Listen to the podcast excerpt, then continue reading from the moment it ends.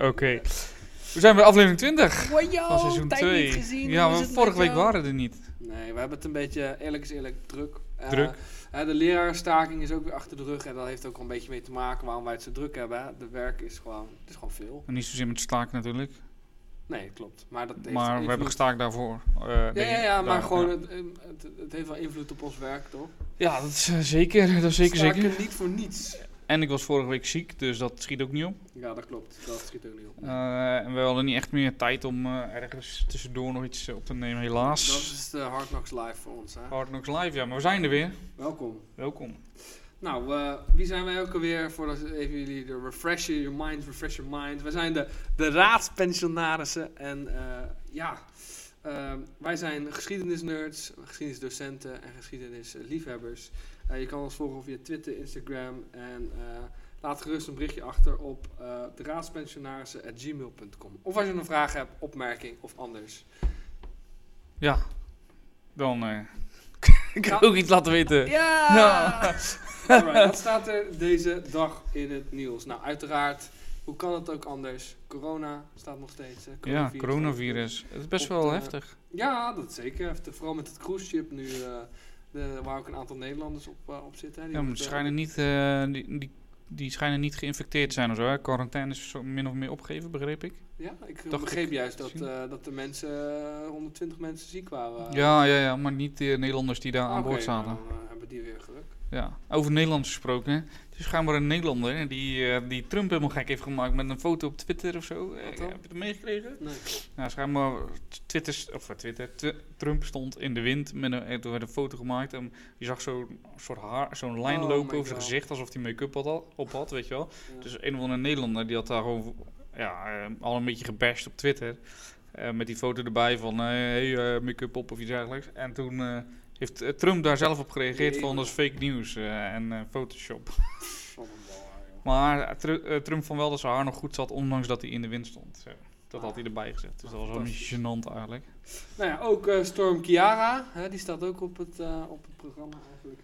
Hè. Ja. Eh, want eh, ja, daar hebben we vanochtend heel erg last van gehad, wij beiden. Dus er is een storm die eh, overigens een naam heeft. Ja, ik begreep dat het kwam omdat ze dan, dat men dan de stormen wat serieuzer zou gaan nemen. Dat heb ik begrepen. Ik weet niet of het helemaal waar Oké. is. Want het schijnt dat wij Nederlanders daar nogal scheid aan hebben als er een keer storm is. En dat we dat gewoon negeren. Dus ja, ik kan me er wel achter in vinden dat dat zo is. Ik weet niet of het ook echt de echte reden is. Want het was wel een flinke storm. Maar het is niet de ergste die we hebben gehad. Nou ja, d- dat idee ook, ook niet. Maar ik dacht dat hij... eh, Maar men- je merkt wel dat mensen het serieuzer Ja, nemen. ja, ja. Dus ja, op zich. En het eh, interessant was ook dat voor het eerst sinds, eh, ik dacht 8 januari vorig jaar, nee 2018 zelfs, dus twee jaar geleden, dat voor het laatste stormvloedkering eh, Ja, de Oostscheldeking dicht was. En dat was dus, eh, ja, gisteravond is die dus ook dicht ja, gegaan. niet zo gek. Niet zo gek, nee. En het duurt 82 minuten voordat hij helemaal dicht is. Ja, dat is wel bizar. interessant, hè? Ja, dat is super groot natuurlijk. Ja, mm, ja, tuurlijk. Er veel kracht zit erachter hoor. Zo, Holy crap. of niet. Ja. Dus, ehm, dus ja. Hey, en eh, een van onze favoriete actrices misschien, hè, van... Ja, ik heb hem daarin gezet omdat wij natuurlijk gewoon eh, Jurassic Park fan zijn. Laura Dern, dat is natuurlijk Ellie, Dr. Ellie. Sattler. Oh, Mr. Carter. Ja. Oh, Mr. Carter. En die heeft dus een Oscar gewonnen. Oké, dat was het. Ja. Nice man. Het was niet zo, eh, misschien niet zo geschiedenisgerelateerd. Ja, maar wel gewoon fan toch? Fan, fanboys. Jurassic Park fanboys. Ik om die film weer te kijken trouwens. Jurassic Park? Ja man. Ja. Ik, ik, Ik heb wel zin om Jurassic Park te ja, kijken. ik- maar ik ben nog steeds onder de indruk over de visuele effecten. Ja, in die houden eh, nog steeds stand, zeg Ja, maar. hè? bizar hè? Ja, dat is Maar vet. gewoon die T-Rex ook echt op een gegeven moment als ze dan zeg maar die, die, die flashlights en die oog van die Ja. Schijnt dat die zo groot wordt.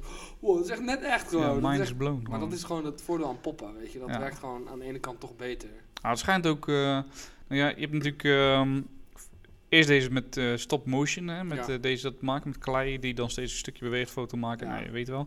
Ehm, en toen liet eh, ILM, zeg maar, Ja. die liet, eh, dat is de, de visual effects maker, ook van heel veel films, ook van Starship Troopers en zo, hebben ze ook gedaan. Van Star Wars eigenlijk. En Star Wars ook, ja. Dat is begonnen. Ken ik niet zo. Is Star uh, Wars. Star. Wars? En, eh, maar het schijnt dus dat die ILM dus liet zien wat ze konden met dinosaurussen. Hè. Dus lieten ze dus zo'n raptor, zo'n velociraptor, lieten ze lopen als computeranimatie. En toen zei dus die, die Phil Tippett, die eerst dus met die, met die stop-motion werkte, die zei dus I'm extinct of zoiets, weet je wel. Ja. En die zin die hebben ze dus later gebruikt als ze die trap oplopen, dan, eh, dan zegt, eh, ik weet niet meer precies wie het zegt, maar zegt, eh, ehm, Ian Malcolm zegt dan tegen Dr. Grant, don't you mean extinct of Ja, zoiets? ja, precies. You're extinct, weet je Ja. wel? Omdat ze dus die, nou oké, dat ja, put us out of a job. Ja. Don't you mean extinct? Precies, ja, ja, vet. Ja. Oké, maar goed, dat is een beetje fanboy eh Jurassic Park. Hè? Jullie zijn hier niet voor Jurassic Park, maar voor geschiedenis. Ja. Dus, we hebben nog wel luisterpost gehad. Dat wil ik nog even... eh eh, vind ik altijd leuk, luisterpost. Ehm, we hadden het vorige keer over eh, een andere epidemie. En waarschijnlijk eh, hadden we het toen over de Mexicaanse griep. Ja, volgens mij ook. Dat was in inderdaad. 2011. Toen had ik het over Lowlands ook inderdaad. Ja. nee, dat klopt. Ik heb er zelf ook nog over nagedacht. Dat klopt. Ja, ik, kan, ik haal ze niet meer uit elkaar, joh. Nee, ja. Nou ja, ja. ja. Ja, mijn leerlingen die hebben er ook wel last van trouwens. Die De Mexicaanse griep? Nee, van, eh, van, eh, van corona. Het is echt wel bang. Sommigen zijn er wel echt oprecht bang. Ja, ja, dat voor, klopt, eh, ja. Voor, eh, ja, voor, voor de ziekte eigenlijk. En Ja, dan moet je ze wel geruststellen dat dat eh, relatief goed komt. Ja, waarschijnlijk wel. Ja, Hopelijk wel goed komt, ja. ja. Ja, het is wel heftig dat, men, dat eh, ook de leerlingen daar dan mee zitten Ja. natuurlijk. Dus goed, ehm, we zijn ook gecorrigeerd. Hè. We hebben gezegd dat eh, Wippo, Wibbo Okkels de eerste... cool. Wibbo Okkels de eerste Nederlandse astronaut was, maar... ehm, even kijken. Nee, het gaat erom dat we André Kuipers en Okkels... Oh ja, ja, ja. Dat klopt, ja. We ver- vergeleken Wibbo Okkels met André Kuipers. Maar André Kuipers was een cosmonaut. Ja, wat de fuck is het verschil dan? Nou, een cosmonaut vertrekt van overal lekker. ter wereld, behalve Amerika. En een astronaut vertrekt alleen vanuit Amerika. Een soort taalnatie-ding. Jezus. Dus het is... eh, Oké. Oké, Nou, thank you. Oké dan. Ehm, het is specialer als je... Nou, whatever. whatever, ja. Dat is, het is, astronaut zal wel een eh, Amerikaanse eh, naamgeving zijn of zo. Eh, we hebben het ook over, natuurlijk over de Challenger gehad, die ontplofte. Hè? Dat zou eh, gebeurd zijn eh, in die week. Ehm, en er was nog een kleine anekdote kregen we toegestuurd dat er dus een basisschooldocenten ehm, eh, mee zou gaan met de Challenger. Of die zat in de Challenger. En haar tijdelijke vervangster keek dus naar de tv. Dus stel je voor, jij gaat in die Challenger, je vliegt omhoog. En jouw vervanger, die tijdelijk dus hier komt werken, die ziet jou ontploffen. Oh, en die heeft zich dus nog jaren schuldig gevoeld. Die, eh, Maar die dat doet toch helemaal niet? Dat is toch zielig? Ja, dat snap ik. Maar ja, misschien was ze wel blij dat, dat ze dacht, yes, vast contract. Oh, kut, wat, eh, Ja. Ah, wat denk ik nu? ja. Ik denk dat het in die regionen zit. dat is echt heftig. Zeker. Dus, Alright. Nou. Wat voor data hebben we deze week weer eh ja, we, ah, we hebben vier dingetjes eh, eruit gepikt. Eén echt eh, natuurlijk super interessant is eh, natuurlijk Nelson Mandela. Hè, die eh, op 11 februari 1990 eh, vrijgelaten is Ja. na 27 jaar gevangenschap. Gevangenschap. Ja, bizar. Ja, hij is natuurlijk de belangrijkste man in Zuid-Afrika natuurlijk. Ehm, Anti-apartheidstrijder. En ja, hij zat dus, hij was veroordeeld tot levenslange gevangenisstraf eigenlijk vanwege zijn leiderschap aan de militaire vleugel van de, van de ANC. Hè. De ANC was natuurlijk die anti-apartheids eh, eh, groepering. En hij werd eh, op 11 februari 1990 in vrijheid ges- gesteld. En uiteraard weten jullie allemaal wel dat hij daarna ehm, eigenlijk gekozen is natuurlijk tot, tot ja, winnaar van de verkiezing in 1994. Ja, en dat, ja, daarmee, hij heeft ook wel met de ANC onderhandelingen getroffen met de Zuid-Afrikaanse regering.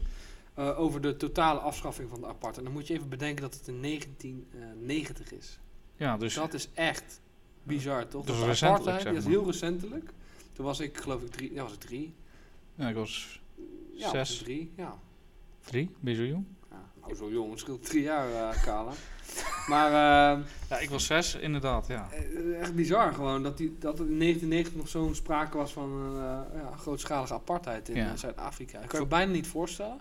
Maar aan de andere kant zijn er nog steeds dingen in de wereld nu die ook.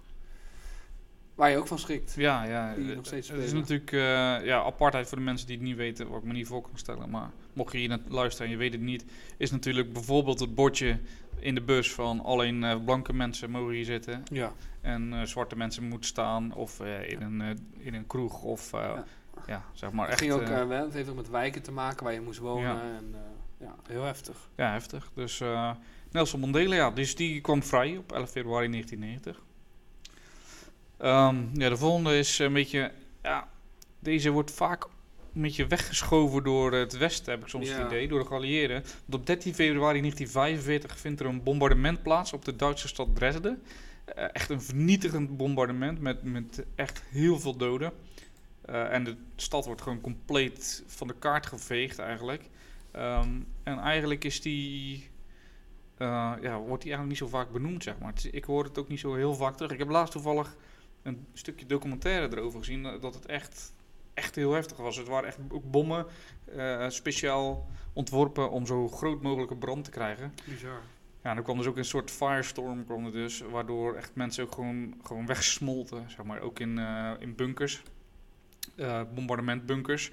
Ja, die had, de deuren zaten natuurlijk dicht, maar de temperatuur liep zo hoog op dat ze gewoon Bizar. ja, gesmolten zijn in die bunkers. Bizar. Ja. Dus het was echt wel een van de Allied War Crimes eigenlijk van de Tweede Wereldoorlog. Hè. Het was een beetje, ehm, ja, niet zozeer Churchill's revenge, wel een beetje. Maar de supreme leader van de, de, de opperbevelhebber van de luchtmacht is daardoor ook niet genoemd eh, in, eh, in, bij de victory speech. Hè. Toen bedankte Churchill eigenlijk alle strijdmachten, behalve de lucht, eh, de bombardement. eh, ja, het stukje bombardement. eh, ze hebben natuurlijk in fighters en bombers, bomber command hebben ze. En die heeft hij niet genoemd, eh, dankzij, of dankzij, door dit, eh, door dit bombardement. Terwijl dat eigenlijk die leider van die, die eh, ja, hoe noem je die? Die bevelhebber van, die, van dat van bom, bomb eh, squad eigenlijk eh, min of meer gewoon bevelen volgende. Ja, klopt. Dus dat is best wel... Ja, best wel bijzonder. Ja, ik weet, ja, wie weet heeft hij daar wel een soort van autonomie in, hè? Dat hij daar zelfs ook nog wel wat over te zeggen heeft natuurlijk. Maar ja, heftig. Ja, Dresden, ik ken het eh, wel van een aantal eh, eh, liedjes ook. Die eh, daar wel aandacht op richten. Dat doet de muziek vaak, hè? Die Ja. belicht vaak dingen ook die wij eh, in de geschiedenisboeken niet snel voorbij zien komen.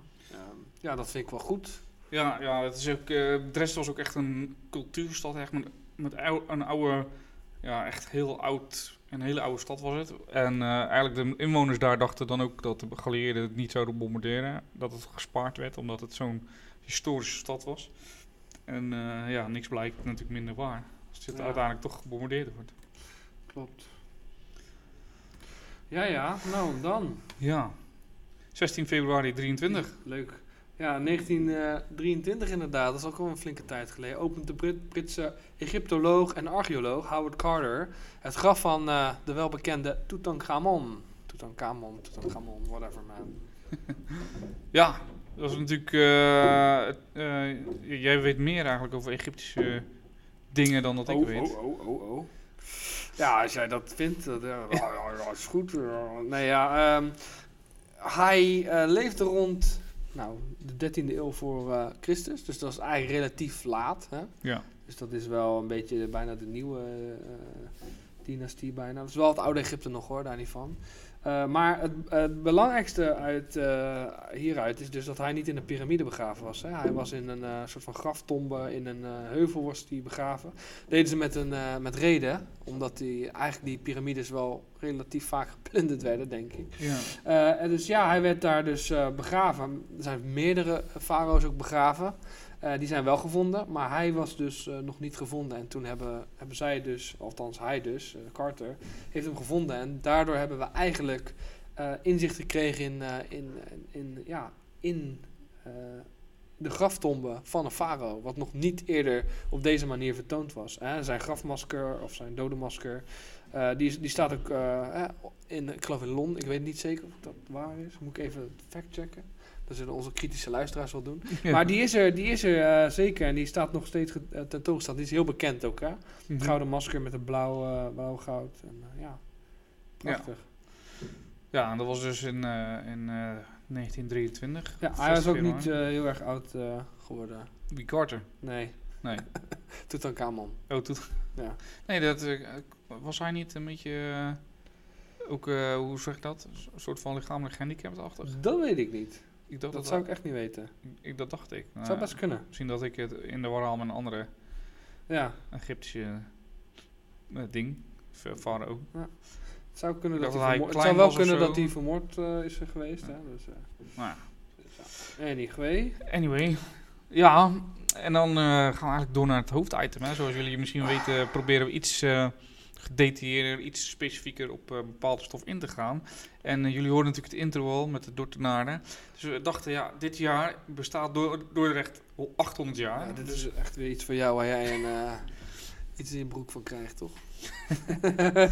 Nee, maar ja, ja Dort. Ja, Ja, Dort. niet. Kijk, ik, Dort heeft een belangrijk hoofdstuk of een belangrijk onderdeel gemaakt van de Nederlandse geschiedenis. Is dat zo? Ja, en dat, is, eh, dat zal blijken. Ik denk niet dat we het redden om in deze aflevering alles te doen. Oh, we doen gewoon, eh we we splitsen gaan het gewoon lekker op, jongen. En dan eh, kunnen we de, onze luisteraars daar twee keer blij mee maken. Precies. Want Dordrecht eh, bestaat dan, ja, het is niet echt dat we 800 jaar bestaan. Het is 800 jaar stadsrechten. Hè? Want in 1220 kregen we eh, officieel de stadsrechten. Moeten we denk ik even gelijk voor de luisteraar die dat niet weet, wat stadsrechten zijn. Dat is wel een goede, denk ik. Hè? Nou, leg eens uit. eh. nou, dat verschilt wel per stad natuurlijk. Maar het stadsrechten wil zeggen, hè, vaak is een stad werd in de middeleeuwen gebouwd op hele belangrijke plekken. Dus heel strategische punten. Hè, waar wegen zich kruisten of waar een rivier was die zich kruiste. En eh, ja, stadsrecht wilde zeggen dat ze vaak aan de heer, dus die dat land bezitten, eh, wat geld gaven. Of in ieder geval, eh, ja, in dit geval geld gaven. om een deel recht te krijgen. Dus bijvoorbeeld recht om belasting te vragen naar inwoners. Of bijvoorbeeld eigen rechtspraak konden krijgen. Maar ja, ik weet niet precies wat er bij Dort... Ja, dat is grappig, dat je, want het is eigenlijk precies ook wat ik min of meer wilde vertellen. Dus dat is nice. Hè, dat zijn we toch weer... eh, we zijn wel op elkaar ingespeeld. Precies, precies. Ja, kijk, eh, er ontstaan natuurlijk wat, eh, wat jij ook zegt, eh Donnie. steden ontstaan gewoon op een kruispunt van rivieren of, of wegen. Ehm, en in dit geval Dordrecht ontstaat aan het riviertje de Turendrecht. Ehm, en voor de oplettende Nederland of uh, Dortenaren eh, onder onze podcast eh, hadden, hebben we best wel veel in Dort wat uh, Turendrecht heet. Hè. We hadden het Turendrecht College. Dus eh, dat is wel grappig. Uh, maar in ieder geval, dat was dus echt een, een riviertje. Turendrit heette het oorspronkelijk. Het ontstond ongeveer rond 1120. Um, en ja, zoals jullie weten, hè, de grote kerk van Dordrecht die staat een beetje scheef. Dat komt omdat het gebouwd is op veenmoeras. Dus um, eigenlijk de afgraving van het veenmoeras zorgde waarschijnlijk voor een riviertje. Mm -hmm. um, het was een zijtak van de rivier de Dubbel. Het was dus de Turendrit en daaraan ontstond, daar gingen dus de mensen wonen. De eerste mensen, de eerste Dordtenaren. Uh, en die, uh, die rivier, die Turendrit, was een zijtak dus van de Dubbel. En de Dubbel liep ongeveer langs wat nu uh, de Dubbeldanse weg is, de Blekersdijk en Begijnhof en de Friese straat. Dus dat is eigenlijk precies het centrum van, van Dort. Wat grappig. Ja. Um, dus ja, daar ontstond dus de eerste nederzetting, genaamd... ja, ze noemden het eerst Durdret. Ik kan het niet zo goed uitspreken. Durdret. Durdret. En dat klinkt wel een beetje als Dordrecht. Ja, dat is natuurlijk uh, oud-Hollands waarschijnlijk. Um, en wat het, het betekent, uh, betekent min of meer iets als uh, doortocht of trekvaart. Uh, en in dit geval zou dat betekenen tussen de Dubbel en de Merwede. De Merwede is een van de grote rivieren natuurlijk die bij, bij langs Dordrecht loopt. Um, en vaak is ook gedacht dat, het, uh, dat de naam ontstond als doorwaartplaats. Want je ziet ook vaak, uh, als je bij Nijmegen kijkt bijvoorbeeld, um, of Utrecht, dat zijn echt, uh, daar heb je plekken waar je door de rivier kon. Waardoor het soort, ja, dat noemen ze dan zo'n doorwaartplaats. En Drecht stond voor doorwaartplaats. Uh, maar die, uh, die verklaring is een beetje losgelaten. Maar in dit geval betekent het dus meer doortocht of trekvaart, zeg maar. Je had vroeger natuurlijk die trekschuiten. Dat er een uh, paard op de kant liep met een, uh, een, een, touw aan een soort schip. Of schip, ja, wat is wat zijn, een soort bootje. bootje ja. Dus daar is het waarschijnlijk vandaan. Um, wel wordt er voor het eerst melding gemaakt van, het, van Dordrecht in 1049 al. Zo. Um, en sterker nog, ik heb recentelijk wat onderzoek gedaan naar Romeinse vondsten in Dordrecht. Um, ik weet niet, ja, je komt natuurlijk niet uit Dort, uh, Donnie, maar uh, voor de mensen die wel uit Dort komen, we hebben een, een, uh, we hadden een zwembad en een ziekenhuis tegenover elkaar. Dat hebben ze helemaal verbouwd, dus ze hebben het zwembad afgebroken en een nieuw zwembad neergezet. Dat is nu een gezondheidspark geworden. Ja. Maar toen ze dat zwembad aan het afbreken waren, Acapulco heette dat zwembad, toen vonden ze dus Romeinse items. Super vet. Super vet, ja. Ze vonden er munten, pincet, koperen schoennagels, ijzeren vingerringen, dakpannen, vloertegels en aardewerk. Vonden ze allemaal in de grond, zeg maar. Um, en het schijnt dus, uh, ze hebben het natuurlijk een beetje gedateerd. En het aardewerk is afkomstig uh, uit de eerste en de derde eeuw na Christus. Dus 100 à 300 na Christus. Uh, en de eerste munt die ze hadden gevonden, die bevat de afbeelding van Diva Faustina. Ik weet niet, ik denk dat het goed uitspreekt. En dat is, was de vrouw van keizer Antonius Pius. Oh. Ehm, Die ken ik, nee. oh, die ken ik nog, ja. Daar heb ik eh, mee gebold gisteren. Ehm, in ieder geval, die afbeelding wijst erop dat, er, dat het een rouwmunt is eh, die de keizer heeft laten slaan eh, in de periode tussen Faustina's dood en het einde van zijn regeerperiode. Dus dat was tussen 141 en 161 na Christus. Eh, er is nog een munt gevonden die toont een afbeelding van Marcus Aurelius. Dat is de geadopteerde zoon van Antonius eh, Pius. Eh, en die munt is natuurlijk eh, ook goed te dateren. Omdat die geslagen werden tijdens de regeerperiode van Marcus Aurelius tussen 161 en 180. Daar, dat wijst dus op dat ook de Romeinen dus al in het gebied van Dordrecht daar ja, een soort nederzetting hadden. Zeker vanwege die dakpannen en, en eh, ja, het aardewerk natuurlijk. Dat heb je niet bij als je zomaar op doorreis bent of zo. En dan laat je het niet zomaar vallen. Of ja, dat kan wel, maar dan is het niet zoveel. Zeg maar. Het was best wel, is best wel wat aan... eh, of er is best wel wat gevonden natuurlijk. Ehm, goed, in ieder geval. Ja, daartussen weet je natuurlijk niet wat er gebeurd is hè, tussen die Romeinse periode en eh, eigenlijk de Middeleeuwen. Vroege middeleeuwen. Ja, de vroege middeleeuwen. En dat heeft ook mee te maken met het Europese verdrag van Valletta. Ja. Ja, dat is een verdrag uit 92, dat ook wel het verdrag van Malta wordt genoemd. Het gaat over eh, de regelgeving van archeologisch onderzoek.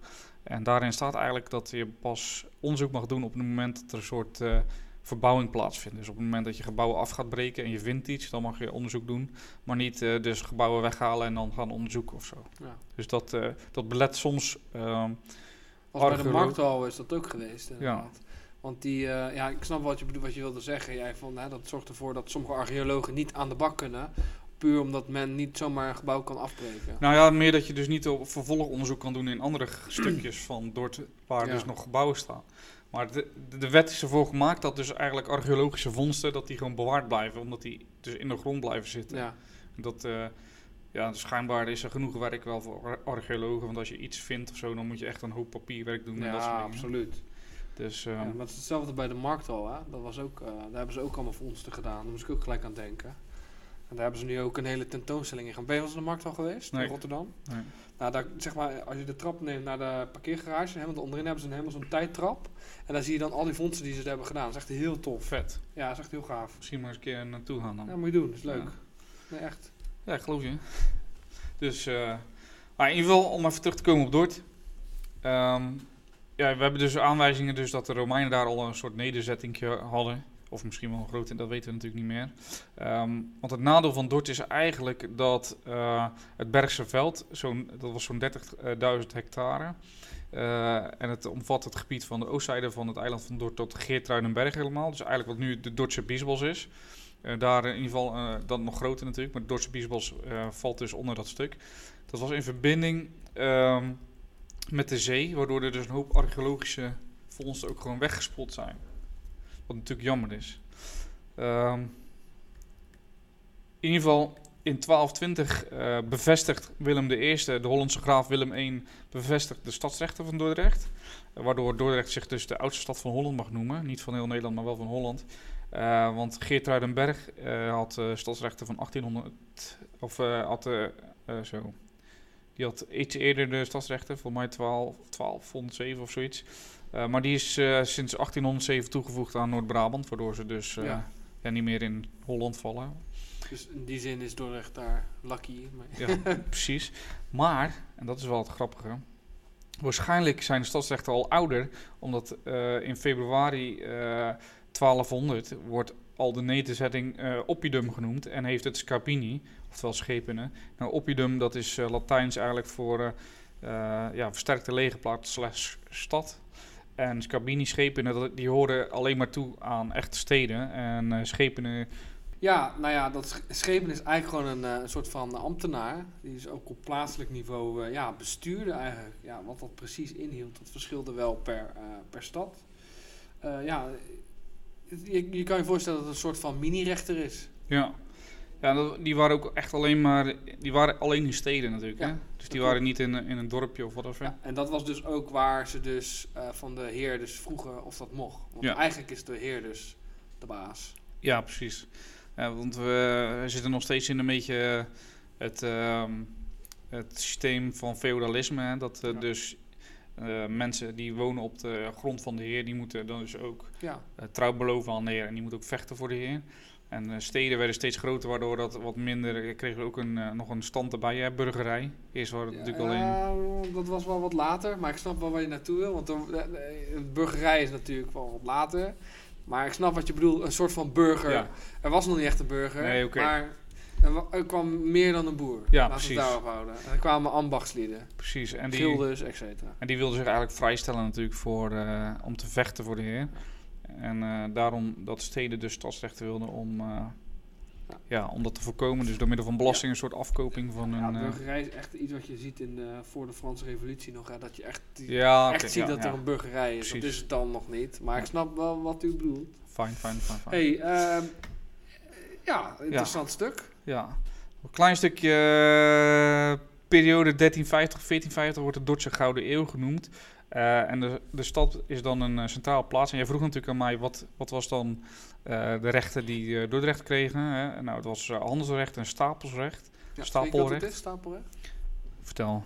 Ja, maar jij mag ook vertellen. Ja, ja, ja. Ja, dat heeft te maken met het feit dat ze belasting mogen heffen, heffen op het eh, stapelen van ja, goederen. Dus dat betekent, als een schip binnenkomt met, eh, met goederen, dan moest dat overgestapeld worden en kregen ze dan een beetje belasting over. Dus als je dan zeg maar met schip, met handel, bijvoorbeeld naar een andere stad wilde varen, dan, ja, dan leverde dat Dordrecht ook wat op. Ja, dat klopt. En in dit geval was het vooral eh, zeeschepen die aankwamen in Dort. Ja. Eh, en die moesten dus hun goederen overstapelen naar eh, binnenvaartschepen. Exact. En daar kregen ze dus eh, heel veel En zo verdienden over. ze dus eigenlijk daarmee. Ja? Dus die producten werden daardoor alleen maar duurder. Maar goed. Ja, dat klopt. Dus, Dus. ja, zullen we het hier een beetje bij laten? Ja, ik ik kan echt goed, uren eh, doorpraten. Ja, dat weet ik. Maar ik denk, ik eh, stop even mijn. Misschien moeten we er zelfs maar drie, eh drie Ja, eh, wat, jij, wat jij wil, jongen. Het is Ja, jouw het is gewoon zo'n mooie stad, weet je. hey, maar nu gaan we eventjes weer even de challenge mode in. De challenge mode. We gaan weer eventjes die drie vragen doen. De drie De vragen. drie vragen aan elkaar. Drie vragen. Die vragen. Oké. Ik heb er drie voor jou. Moet ik, zal ik een keer beginnen? Ja, jij Voor mij begin jij elke Ik keer. begin altijd. Ehm, mocht je nog iets aan willen vullen op het trouwens, dan moet je het eh, zeker doen.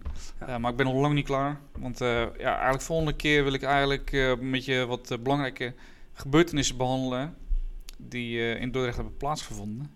Ehm, maar ik zal, ja, in mijn, ik heb mijn quiz een beetje voorbereid met vragen over Dort. Dus daar komen ook wel wat belangrijke dingen in voor. Namelijk, mijn eerste vraag aan jou, Donnie. Noem Ja. twee belangrijke uitvindingen die in Dordrecht in de 20e eeuw zijn gedaan. Fuck off. Fuck off, joh. In Dordrecht nog In wel. Dordrecht. Fuck off, man. Het je zijn dat- echt hele belangrijke uitvindingen. In de 20ste eeuw? Ik zal, zal ik je een tip geven? Ja, zeker iets met de Tweede Wereldoorlog. Nee, je kan ze, je kan ze eten. Hoe kan je nou iets uitvinden wat te eten is? Ja, ja, ja. Iemand heeft ooit eh, patat uitgevonden. Of friet, zoals onze Geertruidenbergse mede-stadsgenoten, eh, stad uh, rechtersgenoten Ja, zullen zeggen. Ja. Eh, oh man, dit vind ik echt heel moeilijk. Eh, je kan het Het is echt heel simpel. Denk aan mij en je weet het eigenlijk al. Ehm, Ik zie hem kijken zo. ehm, eh, als ik aan jou denk, denk ik aan iets heel anders. nee, ik, eh, ik pas. Ik weet het echt niet. Eh, nou, sowieso de commerciële frikandel. Oh ja, godverdomme. Dat, is waar, dat heb je een keer verteld. werd in ja. 1954 gelanceerd in, de, in, in, in Dordrecht. Eh slagersknecht Gerrit de Vries maakte gehaktballen die eh, hij aan de horeca verkocht. Maar dat mocht door een wijziging in de warenwet niet meer. Ehm, maar zijn product viel heel erg in de smaak bij zijn klanten. Dus toen moest hij het veranderen. En zijn oplossing was om dus de vorm te wijzigen en niet het recept zelf. Waardoor er dus een soort, in plaats van een bal maakte hij er een worst van. Dus nu hebben we frikandel dankzij hem. En eh Bekkers eh, die beweert eigenlijk eh, dat zij het hebben uitgevonden, maar dat is dus niet waar. Het is, dus gewoon, het is wel zo dat Bekkers het wel heeft ge- gepatenteerd. Hè? Dat heeft de Gerrit de Vries niet gedaan. Nee, dat is stom. Dat is heel stom. En dat heeft hij goed gemaakt in eh, 1984 namelijk. Toen heeft hij de Mexicano uitgevonden. Zelfde Gerrit de Vries, echt een epische gast. Mijn, ik ben fan gelijk van hem natuurlijk. hij ehm, hij eh, ontwikkelde de, Mexicano vanwege eh, ja, voorrondes in eh, van het WK in eh, 1986 in Mexico. Ehm, voor mij voetbalvoorrondes, als ik het goed heb. Nederland plaatste zich er niet voor, maar hij registreerde dus het merk wel in 1986. Waardoor hij dus daar wel patent op heeft. Dus daar heeft hij al heel veel doekoes van gekregen. Daar heeft hij heel veel toekoers van gekregen. Eh, en hoe, het is nu natuurlijk een beetje ripvormig nu. Dat, is, eh, dat uiterlijk werd in 2006 pas vastgelegd. Dus de, het vlees zelf eh, veel eerder. Voor, ik, ja, ik, ja, voor degenen die mij kennen, die weten dat ik geen vlees meer eet. Ik ben vegetariër. Maar ja, Mexicaans waren echt wel, wel echt super lekker. Kijk, de smaak, daar gaat het niet om. Laten we even geen discussies gaan voeren. Maar dat was wel lekker. niks. Maar frikandel, even serieus, the fuck. Zo vies. Het echt super lekker. Is smerig, man. Paardvlees. Ja, ja oké. Nee, Prima, zelf weten, prima, prima. Hey, ik heb een, eh, ook een vraag voor jou. Oké, oké, eh. Hey, eh, voordat Abraham Lincoln, dus de Amerikaanse presidentskandidaat, de hele bekende, hè, de, Ja. ook, de republikein was hij ook. Hey, wer- voordat hij presidentskandidaat werd, had hij een ander opmerkelijk beroep. Abraham Lincoln. Ja, welk beroep was dit? Voor mij was hij onderwijzer. Mm, niet dat ik weet, oh, maar dat is niet het opmerkelijke beroep waar ik naar op oh, zoek oh, het, oh, oh, ik, het opmerkelijke beroep. Ja. Ik dacht dat je het gewone beroep bedoelde. Maar je bedoelt het opmerkelijke Opmerkelijk beroep. beroep. Ja, het is heel logisch. eh opmerkelijk beroep van eh, Abraham Lincoln was... Komt u, hè? dat is een lulverhaal. Hij was... ehm, ja, dat is een... eh, hij schepte poep en... Nee, eh, ik helaas. weet het niet, man. Fuck? Nee, hij schepte wel andere dingen. Oh. Hij was namelijk kampioen worstelen. Holy crap. Ja, eh, Abraham Lincoln? Ja, ja, dat was heel lang, hè? Ja, was Eh, lang. dus hij had, eh, schijnbaar had hij 300 eh, gevechten onder zijn naam, waarvan hij er maar één heeft verloren. Zo. En hij is dus in eh, 1992 is eh, ja, inducted in de National Wrestling Hall of Fame. Nee joh. Ja, Vet. waarschijnlijk ook wel een beetje voor de vorm, maar wel tof, toch? Ja, ja, ja. Ik weet wel dat hij op het laatste in zijn leven niet zo gezond meer eruit zag. Dat hij best wel... eh, had voor mij... geen eh, knappe vent, laat het aan een houden. long, ook een longaandoening volgens mij. Zou kunnen. Voordat hij eh, natuurlijk vermoord werd door uh, Wilkes Booth. Ja. ja. Oké, interessant. Wist ik niet. Ja, Leuk, grappig. ja toch? Grappig feitje. Ja. Ja. Ja. Ja, ik ga weer terug naar Dordt natuurlijk. ja Ja, deze weet je wel. De- Deze moet je zeg je altijd. Ik ben heel slecht in soort dingen. Oké. Noem twee belangrijke personen die afkomstig zijn uit Dordrecht. Even serieus. Erasmus kwam toch eigenlijk uit Dordt? Dat is toch een Nee, soort van... is een. Ja, dat weet ik, maar er is dus schijnbaar discussie over. Of was dat Gouda? Fuck. Nou oké, ik zei niks. Ehm Maar ik was dit niet, je weten. Willem P? Wimpy. Die, heeft, oh, die is er doodgeschoten. Fuck. Is een Fuck, I don't fucking, die is Delft doodgeschoten. Fuck! Even serieus, hoe heten wij? Dordrecht? Hoe heten we? Hoe heten wij? Wat zijn we nu aan het doen? Oh We zijn ja, het opnemen. ja, ja, ja, ja, de raadspensionarissen. Ja. Zo heten wij. Ja. Ja, dat is natuurlijk eh, de gebroeders eh, De Wit. Zeker, dat zijn twee belangrijke twee, ah, ja, die hebben we goed. Ja, ah, ja, ja. Ah, die wist ik wel, want jij, jij was wel eens naar die eh, herdenking geweest. Ja. toch? Van het, nou, de moord op de, wit, de broertjes de Wit. Ja, de moord op de gebroeders. de- Misschien is het daar leuk om daar een keer special over te doen, over de gebroeders de Wit. Dat lijkt me wel nodig. Maar ook over andere Waarom raadspensionaars. hebben we dat nog niet gedaan? Dat is echt een hele goede vraag. Is wel slecht van ons eigenlijk. Nee, Ja, helemaal niet. We moeten ze eerst een beetje warm maken. Oh een beetje, een beetje precies. lekker voorgerechtje. Ja, we moeten, het hoofdgerecht komt nog. we moeten, de, Eerst een Mexicanootje. we moeten gewoon enorm veel luisteraars trekken en dan kunnen we ons, onze message verspreiden. ja, dat is wel de bedoeling. Ja. Dus Johan Cornelis de Wit, inderdaad, kom maar, Dordrecht.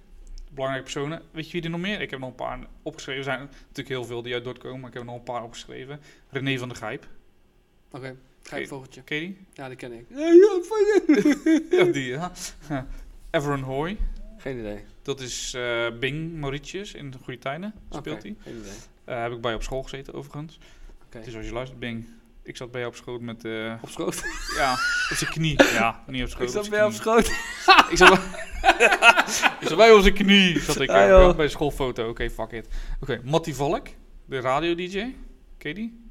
Nee, je zit echt aan te kijken. van, Ken je die niet? Oké. Nee. Freek ja. Mattie ken ik wel. Freek. Vonk. Maar Mattie, die is toch eh geditst door zijn andere Mattie. Nee, dat is andersom. Oh, fuck, hij is de Hij lul. de- hij is die lul, is de lul. inderdaad. Ja, klootzak. Ja.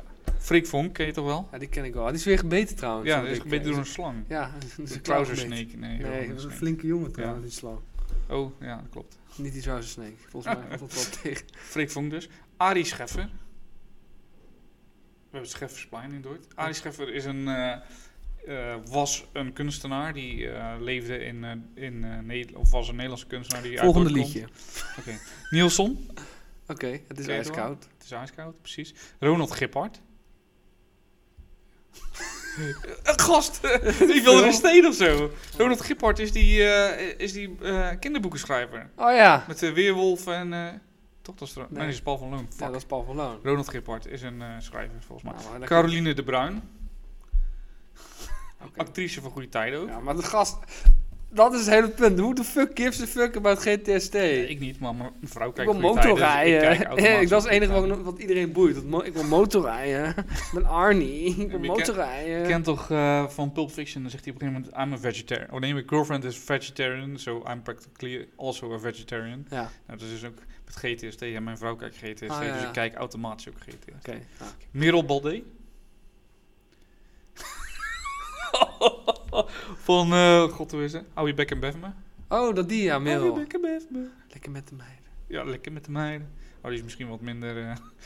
En Paulus Historicus. Oh, ja, die is wel echt heel tof. Ja, toch? Ja, ik hoorde dat hij op schoot heeft gezeten bij... eh,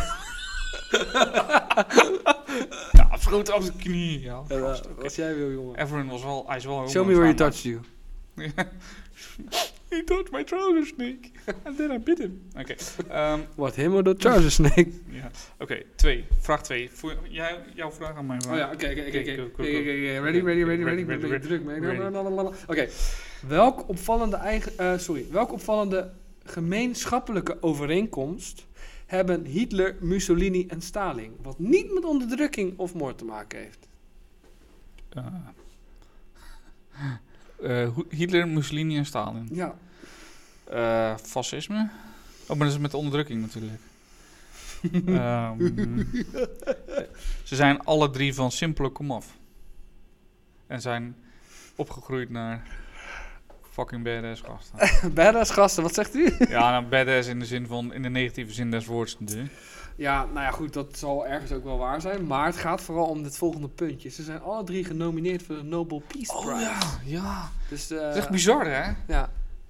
Bizar, hè? Hoe dan? Ja, dat weet ik ook niet. Ja, Alle dus- drie zijn ze genomineerd voor de Nobelprijs. Dat hoeveel, verdient de Nobelprijs. hoeveel heeft, is dat dan waard, zeg maar, zo'n Nobelprijs? Als je die drie... eh, Ja, ik weet het ook niet. maar, eh, weet je ook waarom nog? Nee, dat weet ik niet. Sorry.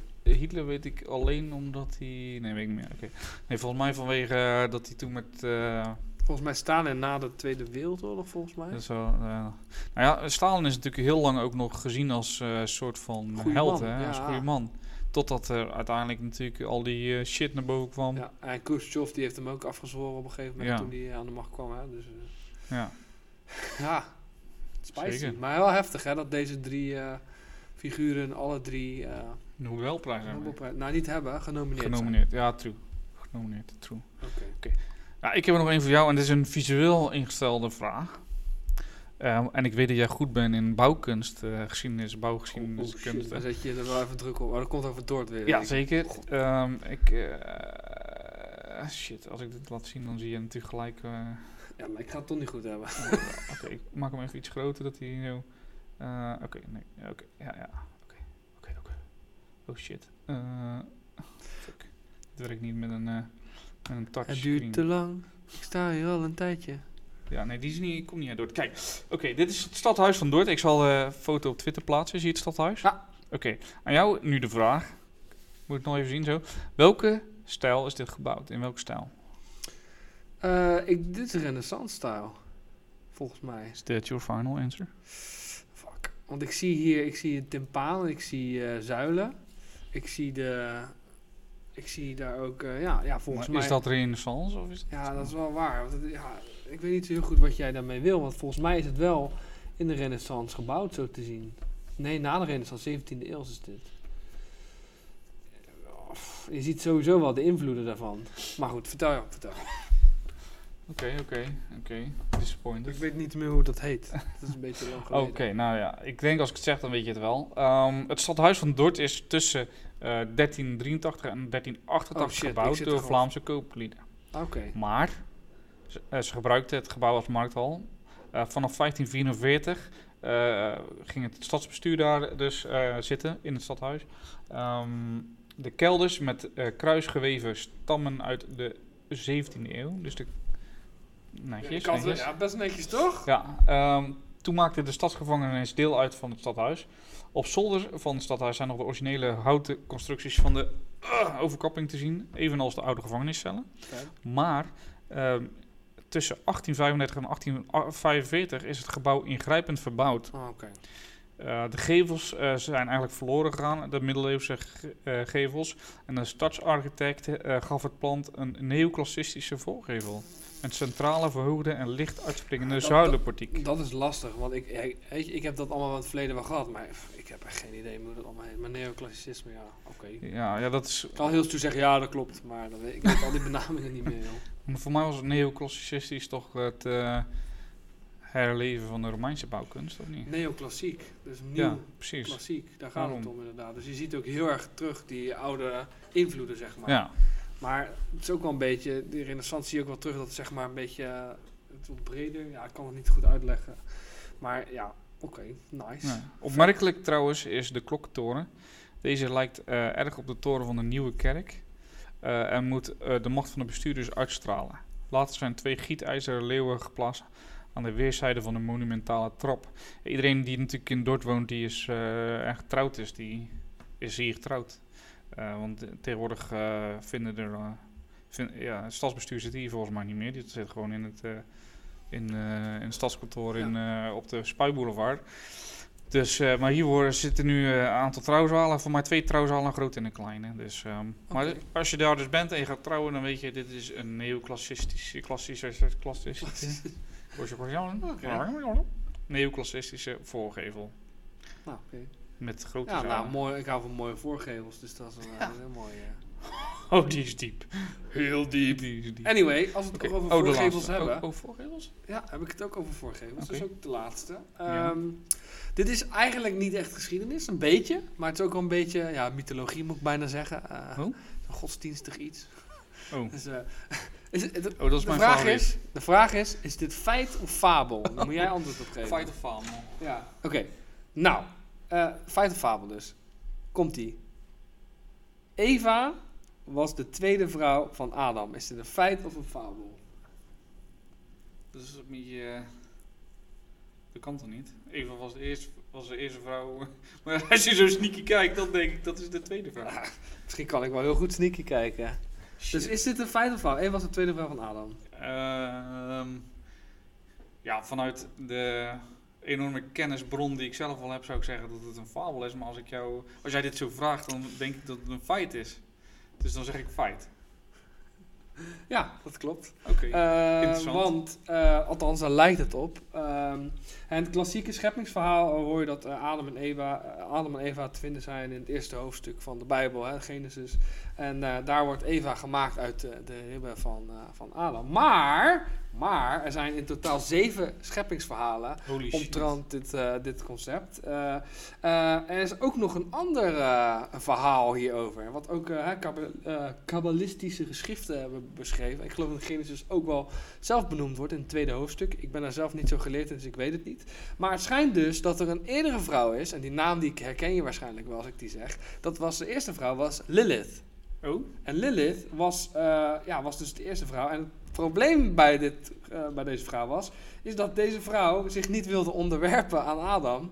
En zij wilde gelijke rechten. Strijder. En dat kreeg ze niet. Oké. Dus uiteindelijk is zij dus vertrokken en toen werd eh, Eva gemaakt. Ja, Oké, Ja. dat doet een hoop stof opwaaien Ja, in, mijn, absoluut. eh, in mijn brein. absoluut. Nou, die, die Lilith is dan natuurlijk ook compleet zwart gemaakt in allerlei andere verhalen. Eh, Nou ja, ze is gewoon compleet uit eh, de annalen der historie geschrapt. nou ja, dat, ja, Toch? ja, ja, historie. Ja, Ja, eh, Bijbelse historie, laat ik zo zeggen. Ja, maar goed, weet je, de, de Bijbel is natuurlijk gebaseerd op, op de, de Torah. Ja. Evenals de. Maar staat Wat het was daar wel in dan? Het eh, ja, zo, voor zover ik weet wel. Ik geloof dat ze zelf ook be- benoemd wordt in eh, Genesis, maar dan niet per naam. Dat Oké. Maar misschien, eh, weet je, ik eh, doe hier ook maar even een gok uh, gooien in eh, diepe. Maar eh, ja, ik heb er wel gisteren een stuk over gelezen. Dat was heel interessant. Waar heb je dat gelezen? Ja, op internet natuurlijk. Internet. App of, app of Facebook Facebook gestaan.